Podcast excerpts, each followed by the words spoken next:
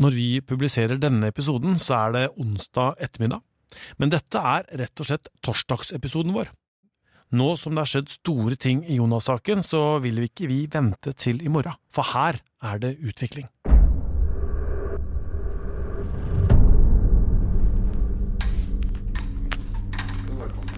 Inn i et rom fullt av kameraer, mikrofoner og skriveblokker går politiinspektør Odd Skei Kostveit mot mikrofonen. Velkommen, Korsberg. I forbindelse med etterforskningen av drapet på Jonas Aarseth Henriksen, så har, det, eh, har informasjonen gitt oss grunnlag for å pågripe ytterligere en person. Eh, han ble pågrepet eh, i dag tidlig på sin bopel i Innlandet. I denne episoden må vi også en tur til Innlandet, dette store fylket med mye skog, hvor politiet sine store gjennombrudd har vært den siste tida. Hvorfor der? Hvem er de to som nå er sikta, og hva knytter dem til hverandre og til drapet på Jonas? Jeg heter Tor Erling Tømt Ruud, og dette er Krimpodden i VG.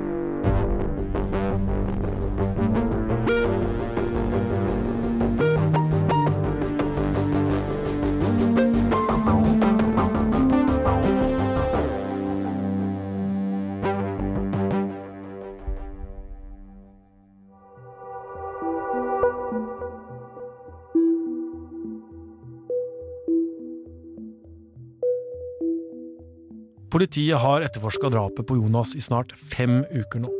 De utelukker ikke flere pågripelser, sier de. Foreløpig har de to.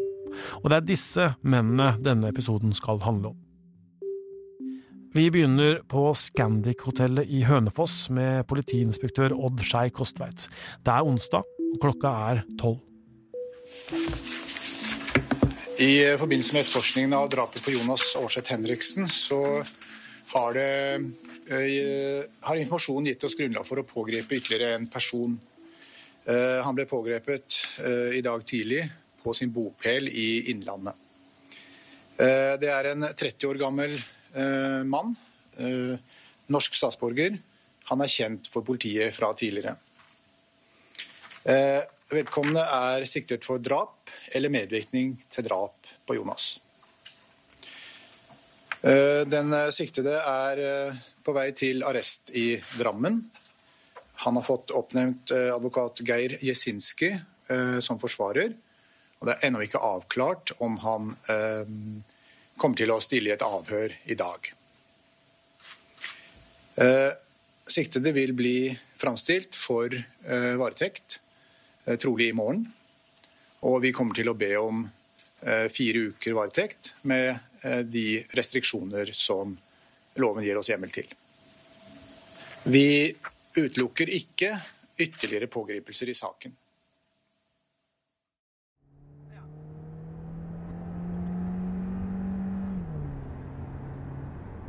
Før vi snakker mer om hvem denne mannen er, så la oss spole tida litt tilbake. Til Rena for noen dager siden. Det er tidlig på ettermiddagen, og vi har akkurat akkurat fått vite at den første mannen er pågrepet i denne saken.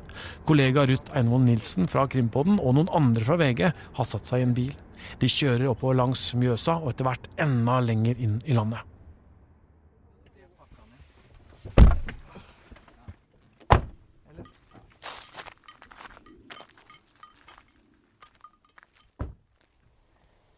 Det stedet vi har kommet til nå, ligger et lite stykke utfor Rena sentrum.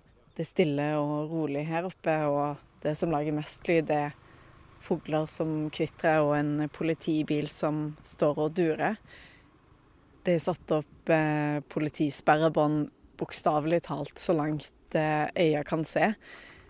Det strekker seg langt utover eh, det som ser ut til å være beiteområder, og, og inn i eh, skog. Straks etter at eh, Ruth har parkert på en grusvei nær den store skogen og nær noen store beiter, så kjører en bergingsbil ut fra et politisperra gårdsrom og nedover veien. Grønn plast skjuler det som ligger på lasteplanet, men at det er en personbil inni der, det er ikke til å ta feil av. Politiet som er på stedet, er tilbakeholdne som de har pleid å være i denne saken. Det kan jeg ikke si noe om, men Innlandet politidistrikt har i dag bistått Sør-Øst politidistrikt med en pågripelse. Og nå så jobber vi med ransaking. Sperrebånda til politiet strekker seg utover store områder. Innafor bånda er det både hus og kjøretøy og grønne enger. Bortpå et beite ser Ruth og kollegene krimteknikere i hvite dresser og verneutstyr. De gransker noen trær. Politiet vil ikke si hva de har tatt beslag i, hva som var på lasteplanet, eller om det var her de pågrep han som nå er sikta. Så journalistene fra VG går over en bekk, over et strømgjerde og gjennom en skog eh, fullt av bær og sopp. Et stykke unna så får VG bekrefta av en nabo at øh, jo, han de har tatt, han var her i går. På kvelden og de neste dagene så prøver vi å komme nærmere svaret på hva som har leda opp til dette drapet på Jonas Aarseth Henriksen.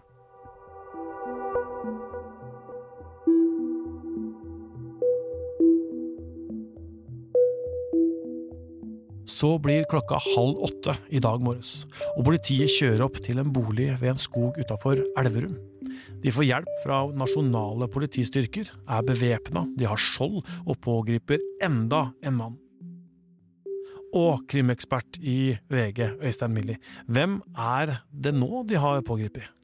Ja, det her er en mann eh, på rundt 30 år som politiet kjenner til fra før, som det heter. Det vil si at han har et uh, strafferegister. Det skal vi komme tilbake igjen til. Men før det så skal vi opplyse om at han er norsk statsborger. Det er en mann som ikke har vært avhørt i denne saken tidligere. Nå er han sikta for drap eller medvirkning til drap i uh, Jonas-saken.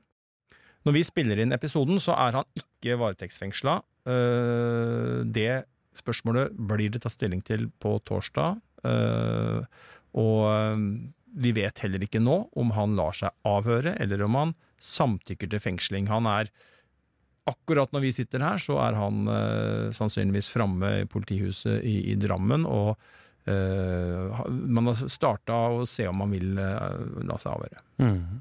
Og Så må vi gå gjennom da eh, litt hva som knytter eh, denne sikta mannen med den andre sikta mannen, for her er det noen del ting. Eh, blant annet denne bilen som vi så blei eh, kjørt ut fra dette området forrige uke. Eh, den er interessant. Hva, hva har den med saken å gjøre? Ja, denne bilen er jo helt klart interessant. Og så vet vi at de har eid en bil samme bil en gang, men vi vet ikke om det er denne bilen enda. Men det er altså et kontaktpunkt, eh, helt uavhengig av det bilbeslaget som er gjort i denne saken, eh, som handler om at disse to har eh, Den ene har solgt en bil til den andre. Um, og det er jo I hvert fall omregistrert denne bilen til den andre. Ja. Vel, vi vet ikke om han er solgt, men poenget er vel at uh, den første sikta kjøpte en bil i, i juli. Uh, og denne bilen ble da omregistrert, og, og registrert på den den personen som nå er sikta, altså siktede nummer to, da, eh, kaller han det. Ja, og dette binder dem jo da sammen. Og så er det andre ting som vi også skal komme tilbake igjen til, som binder dem sammen. Men det som jo er eh, viktig å si, er jo at, og som fortsatt er eh, en av denne sakens eh, ubesvarte spørsmål, det er jo eh, når vi i dag fikk den hastmeldinga, som vi kaller det på journalistspråket, om at det var pågrepet en mann til, så var det ikke noe overraskelse for oss som jobber med saken her i VG, at det var uh, denne personen, og heller ikke at det var i, i, det området da i Innlandet. Men det som jo fortsatt er en uh, løs tråd, er jo disse to, hvilke forbindelser eventuelt de har med Eller hadde med Jonas. og det Eh, er jo fortsatt noe som eh, ikke er så lett å få øye på, som er eh, en av mange spørsmål som vi skal drøfte og, og se på i denne episoden. Ja, fordi det som er da viktig å si, er at han som nå ble pågrepet i dag, da, han ble, har ikke vært avhørt i denne saken tidligere, og de har jo avhørt har vi hørt, over 70 stykker.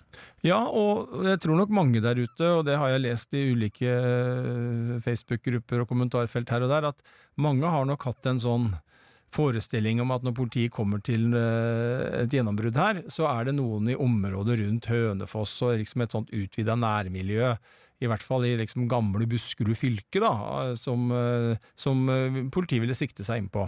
Og så kommer da den første pågripelsen, og den eh, overraska alle, så vidt jeg vet i hvert fall, med at det da var et helt annet sted. og noen som ikke sto på noen liste, og som ikke hadde vært avhørt i, i saken før heller, som politiet sa det. Så har nok politiet selvfølgelig hatt vedkommende på radaren, men, men om man har ikke kalt inn vedkommende til avhør, så kan det være taktikk. Men for oss som har jobba med saken, så var det et nytt navn. Og så kommer da pågripelse nummer to, og da er det jo ikke så eh, overraskende at det er en person i, i, som har en relasjon til sikta nummer én. Men jeg tror nok det er mange der ute av de som følger denne saken fra utsida, da, hvis vi kan si at vi er på en måte litt på innsida, så tror jeg det er mange der ute på utsida som er overraska over at at liksom eh, pågripelse nummer to også knytter seg til Innlandet og da til denne nummer én, og fortsatt da ikke noen synlig link til Jonas, og heller ikke noe eh, link som er kjent på noe vis, når det han som trekker i retning av disse, alle disse hendelsene som eh, Jonas ble utsatt for. To år med det var jo bilbranner, betongbil som brant, det var fysiske overfall som man ble, ble skada, og det var jo denne taggingen, blant annet, med Tyster-Jonas. Så, så, ja, vi får noen nye svar kanskje, hvis vi forutsetter at disse to gutta er et uh, riktig spor for politiet. Det skal vi understreke at uh, vi ikke vet. Det vet vi ikke, nei. Nei, det er en siktelse, og, og, og det er det. Men, uh, men, det er jo veldig mange ubesvarte spørsmål der fortsatt, uansett. Det at de har da tatt beslag i en bil, eh, for det veit vi, selv om politiet ikke vil kommentere noe mer rundt denne bilen. De bekrefter eller avkrefter jo ikke at det er den bilen som eh, blei solgt på Finn eh, og omregistrert og nå er avskilta, faktisk. De sier jo ingenting om det, men det at de har tatt et beslag da, i en bil, hva, hva kan de undersøke der? Det er jo mange ting som kan undersøkes med en bil. Eh, det spørs jo helt hvor ny bilen er. For det første så kan man jo ta ut en, altså en kjørecomputer og finne ut av hvor denne bilen har vært. Eh, og sånn sett knytte bilen til et sted som politiet syns er interessant, særlig hvis man har opplysninger. Eh, og Nå er jo ikke det aktuelt i denne saken, for det er jo ikke avhørt, det har ikke blitt avhørt etterpå heller. Men hvis en, en, et vitne eller en som etter hvert blir sikta, ikke knytter seg til et sted, og bilen har vært der, og måte politiet kan underbygge at det er du som har kjørt bilen ditt, så er jo det interessant for politiet. En, en, et sprekk i en forklaring. Ellers så er det jo sånn helt generelt så er det selvfølgelig eh, DNA. Eh, kan det være spor hvis, hvis man tenker Jonas-saken? da, Finner politiet en bil hvor man finner noen spor etter Jonas, enten fordi han har vært i, i bilen, eller at en gjerningsmann har satt seg inn i bilen med Eh, biologisk materiale fra Jonas som har smitta eller satt seg på et ratt eller på en seterygg eller hva det måtte være, så kan jo det være interessant. Eh, eller om det fins andre typer Det kan være mange ting da, som man eh, finner på det, og det ser vi jo fra den ene krimsaken til den andre, at bevis og gjenstander som man er interessert i, kan Ja, det kan være alt fra ja, mellom himmel og jord, da. Alt fra biologiske små ting til at man har glemt en kvittering eh, fra en butikk som gjør at du plutselig knytter deg til et sted hvor du sier du ikke har vært, eller at du uh, har liggende en, uh, et prosjektil i en bil som kan sammenlignes med et annet prosjektil. Altså, det er uendelig, uh, og det avhenger jo helt av saken, og så avhenger det selvfølgelig av Uh, ja, hva politiet finner og hvordan de ser på det. Og hvis denne bilen da er observert eller tatt uh, på kameraer osv.? Ja, da man, og så har man hele den biten, elektroniske spor. Og da, ja, det har blitt kjørt i en fotoboks, har du blitt logga inn på et uh, parkeringshus, du tatt et bilde av. Bompenger. Havna et eller annet sted. Altså, vi lever jo i et et samfunn hvor det er veldig mye registrering av elektroniske spor. Og det gjør jo at det er mange muligheter knytta til biler, både i forhold til Eh, ja, det elektroniske, men også det fysiske, da. Om det fins noe i bilen. Eh, det kan være hjulspor på åstedet, det kan være som man sammenligner med en bil. Altså det, det, er, det er, uendelige muligheter eh, som politiet kan eh, benytte. Og så vet vi jo fra en del saker at eh, det er ikke alltid så lett likevel, kanskje.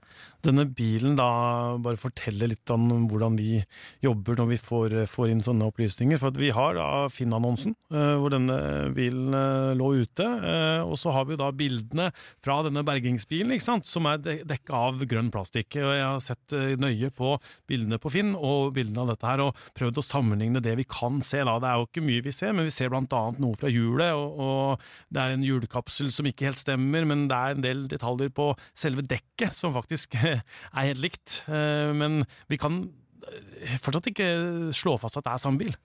Nei, det kan vi absolutt ikke. Eh, så er det jo, som du sier, Tor Erling, en del sånn trekk vi har sett som kan tyde på det. Både dimensjon på dekket, merke, merker på dekket og også type fabrikat.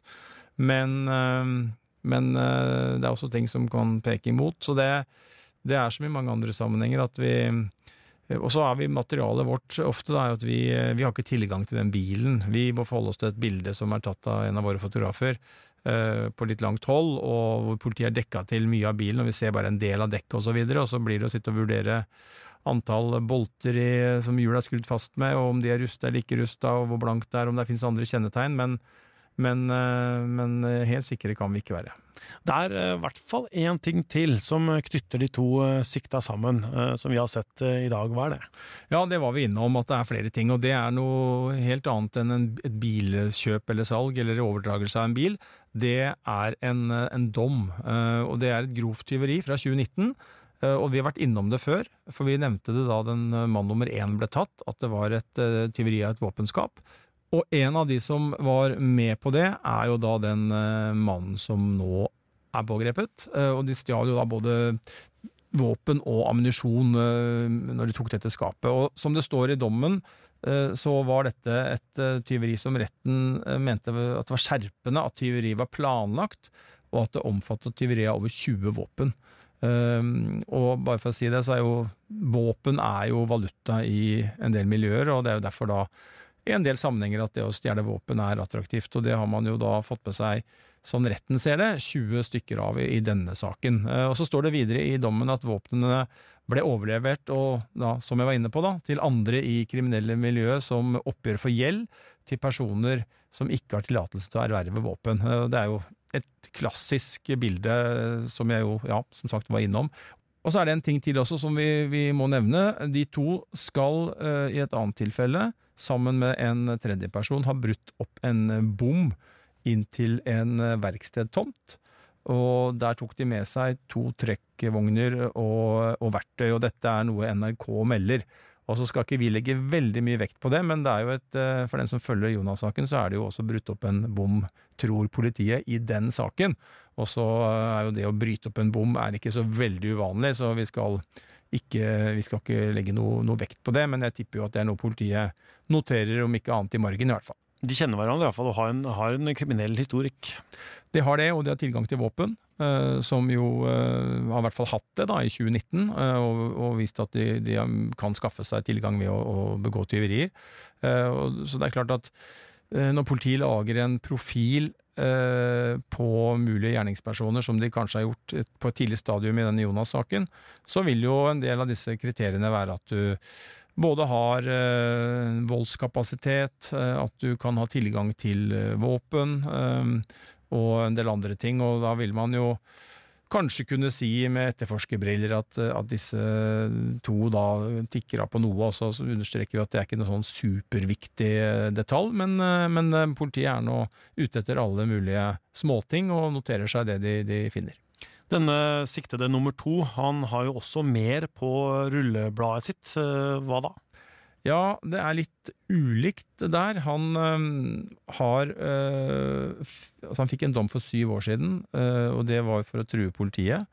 og ifølge den dommen så lå han på senga og retta en ladd hagle mot en politibetjent. og da var politiet i boligen hans for å ransake da, etter et uh, tyveri. De mistenkte vel kanskje han for å, å, stå bak det, eller om de søkte etter tyvegods. Uh, det er en, en, av to. Uh, og ifølge dommen så fikk politiet kontakt med denne mannen gjennom et vindu, og tok seg da inn i boligen etterpå. og han som da nå er drapssikta, er i tillegg dømt bl.a. for uh, bruk av narkotika, ulovlig anskaffelse og besittelse av våpen uh, også. Så, så, det er jo en del uh, ting her, og det er en, dette er jo to karer som politifolk ynder å karakterisere som kjenninger av politiet. Og da er ikke det fordi at man kjenner noen politifolk som bor i nabolaget, men det er fordi at man har vært borti straffesaker. Og så husker vi jo fra forrige episode at uh, denne 28-åringen som ble sikta først, hadde jo også et rulleblad, blant annet for uh, ruspåvirka kjøring og, og, og, og ja, litt det samme, da. Ja. Tyveri, trusler mot offentlige tjenestepersoner, narkotikalovbrudd. Ganske likt. Uh, og dette er jo da to bekjente som som eh, fra utsiden ser ut til å være ja, forholdsvis Eller har noen likhetstrekk, da, som, eh, som eh, nå er da tatt begge to. Og, og sikta for eh, drapet på, på Jonas, eller medvirkning til det. Men hovedspørsmålet er jo da fortsatt hva knytter disse til Jonas? Det er jo der vi er, da. Og, eh, og hva knytter dem til området? Eh, Er det noe som knytter dem til området? Det er langt fra Elverum, Rena, Stor-Elvdal Dette er jo ja, sør, sørdelen av, Østerdalen. Det er langt derfra over til Hønefoss. og så er for så vidt ikke geografien så viktig, men, men når vi da i tillegg ikke vet at det finnes noen link eh, til Hønefoss-området, til andre personer i Hønefoss-området, eh, andre eh, bedrifter, eller altså Det er liksom ingenting, verken eh, Hønefoss-området generelt som vi vet om, eller Jonas spesielt, som binder disse to til eh, dette eh, området og det som har skjedd. Og vi har jo vært inne på det mange ganger. Vi har stått på den hytta to ganger, du har vært der tre ganger. Og vi har jo stått og tenkt hvorfor denne hytta? Hva er det som har skjedd at man har plukka ut den? Hvorfor har noen fått Jonas til å komme hit? Eh, Det er bak denne bommen vi har gått gjennom, og det er avsidesliggende, og hytta ligger for seg sjøl, og man skal eh, Så vet vi ikke hva som var hensikten heller, om det var tanken å ha et møte som kom ut av kontroll, eh, altså møte som handla om en eller annen det er naturlig å tenke at eh, det møtet ikke var et sånt helt vanlig møte, sett fra de som har kalt Jonas dit, for de hadde jo med seg skarpladd våpen. Eh, De har jo brukt det på stedet. Men, eh, men likevel så er denne hytta, selv om det ikke var planlagt at det skulle være noe drap der, som jo kanskje jeg tenker er det mest sannsynlige scenario, da, at, at dette møtet har kommet ut av en eller annen kontroll på et eller annet vis. Eh, Så får vi se om vi får svar på det noen gang, men, men, men det er jo fortsatt sånn at eh, ja, jeg spør meg jo, har disse gutta fra Rena og Rena-området og Elverum, har de Godt voksne menn, da. ja, og funnet denne hytta og på en måte lagt en plan, og, og hvorfor er det Jonas de har bedt om å komme dit? Altså, det er Ja, det er fortsatt ikke sånn at denne saken her øh, øh, altså Da forutsetter vi jo at disse har noe med det å gjøre, og det vet vi jo heller ikke, selvfølgelig. Men, men ja, det er mye som fortsatt er ubesvart. Nå veit vi jo ikke, som du sa, om, om han som ble tatt i dag eh, vil la seg avhøre, eller hvordan han stiller seg til, eh, til eh, anklagene. Eh, Men han som ble tatt først, han vil jo ikke la seg avhøre. Og disse to har jo på en måte, eh, har vi fått vite, uttrykt et litt sånn misnøye mot politiet opp igjennom. Eh, Hva betyr det for politiets arbeid at ikke de da kanskje ikke vil snakke? Nei, først og fremst så er det en rettighet du har. Du kan la være å snakke med politiet. Eh, og så vil nok noen si at det kan tale mot deg i retten, eh, selv om det er helt legitimt. Det er en, ja, det er en rett du har. Men eh, for politiet så er det jo selvfølgelig ikke ønskelig. Selv om politiet ofte sier at ja, det, de, de anerkjenner den retten som jeg er inne på og sånn. Selvfølgelig gjør de det, men, men det er klart de ønsker avhør. De ønsker jo å få forklaringene til de gutta her, eh, først og fremst, eller mennene, eh, først og fremst en åpen, fri forklaring. Eh, både om hvor, hvor var du da på det tidspunktet, eh, ja, fortell om livet ditt, hva, hva du gjorde, hvem du traff, hva du foretok deg fra et eller annet tidspunkt da, og frem til et tidspunkt etter drapene. Eh, Og så ønsker man jo å stille etter hvert noen mer konkrete spørsmål. Og hensikten med det er jo eh, å teste om de snakker sant eller ikke. Og sånn sett så kan det være en fordel også selvfølgelig å forklare seg for politiet. For hvis du da kommer med en sann historie, en etterprøvbar historie, som eh, kan bevise at du ikke har noe med det å gjøre, så er jo det en kjempefordel, selvfølgelig. Og så er det vice versa. At hvis du da forklarer at jeg har aldri vært i nærheten der, jeg, har, jeg kjenner ikke noe til det, og kan ingenting om denne saken, og så hvis politiet kan knytte deg til ja, bilen din eller deg, eller et eller annet som gjør at historien din ser ut til å være feilaktig, så vil det jo være eh, veldig, veldig eh, ødeleggende for troverdigheten. Vi kan jo nå, bare for å trekke den parallellen, så øh, hvordan dette kan slå ut, så jobber jo vi med en eh, serie på Podme som vi jo anbefaler om Orderud-saken, og vi har også noen åpne episoder som bl.a. blant annet kom denne uka, etter at det er funnet en DNA-match eh, på Kristin Kirkemo på en teipbit på det ene, i forbindelse med denne attentatforsøket, men, men der var jo akkurat dette med å gi forklaringer, eh, og det å bli sjekka i bakkant sentralt, For det var jo flere i den saken som forklarte seg om ting som de senere måtte gå tilbake på, og det ble jo brukt, brukt mot dem i, i rettssaken. Eh, blant annet ekteparet som jo avviste at det hadde vært noe vådeskudd osv. på gården, eh, og måtte jo etter hvert gå tilbake igjen på det typisk eksempel på det vi snakker om, at det å forklare seg for politiet, hvis du da blir knepet i en løgn eller en uriktighet etterpå, så kan det slå negativt ut. Mm. Jeg sitter jo her akkurat med dagens papiravis, faktisk, fra da den uh, onsdag 20. september, hvor hovedoppslaget er DNA-treff knytter eh, Kristin Kirkemo til attentatforsøk. Da. Så, så, det viser jo faktisk at det, som vi sitter og prater om i ordresaken, det er fortsatt uh, høyaktuelt. Ja, det var nok ikke alle som så for seg at uh en nyhet i Orderud-saken skulle nå VGs eh, papirsforside i 2023. Eh, den har Orderud-saken har eh, er vel den saken som har vært en av de mest besøkte på VGs forside, men det var stort sett da saken rulla. Men ja, det er interessant at det kommer nye ting, og, det er jo som vi var inne på en sak hvor dette med forklaringer og troverdighet uh, har vært helt sentralt. Og uh, den saken du henviser til der er jo også interessant i den konteksten vi snakker nå om Jonas-saken, for det er jo uh, et teknisk bevis som da ble holdt mot Kristin Kirkemo. Hvor hun har avvist at hun har stått bak dette, her, og så kommer det et bevis som tyder på noe annet. Og Det kan jo være det samme som blir Eh, bildet i Jonas-saken mot én eller flere sikta. Om det er noen av de som sitter nå, eller om det kommer ny inn, det skal vi jo vente og se. Men det er jo ikke uvanlig at, at det er en forklaring som avgis, og så kommer det tekniske bevis som gjør at du må snu om på det. Vi følger eh, Jonas-saken videre, og på mandag så kommer da en ny episode i Ordru-serien vår. Det er da episode seks som kommer på mandag, og den må du da ha Podmy for å høre, eller høre via VG+.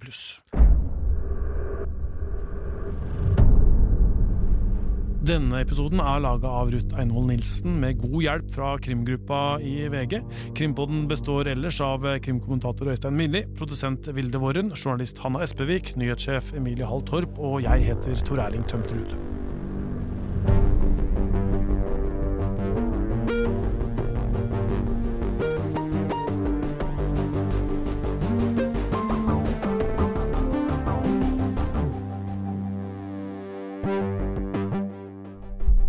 Du har hørt en podkast fra VG.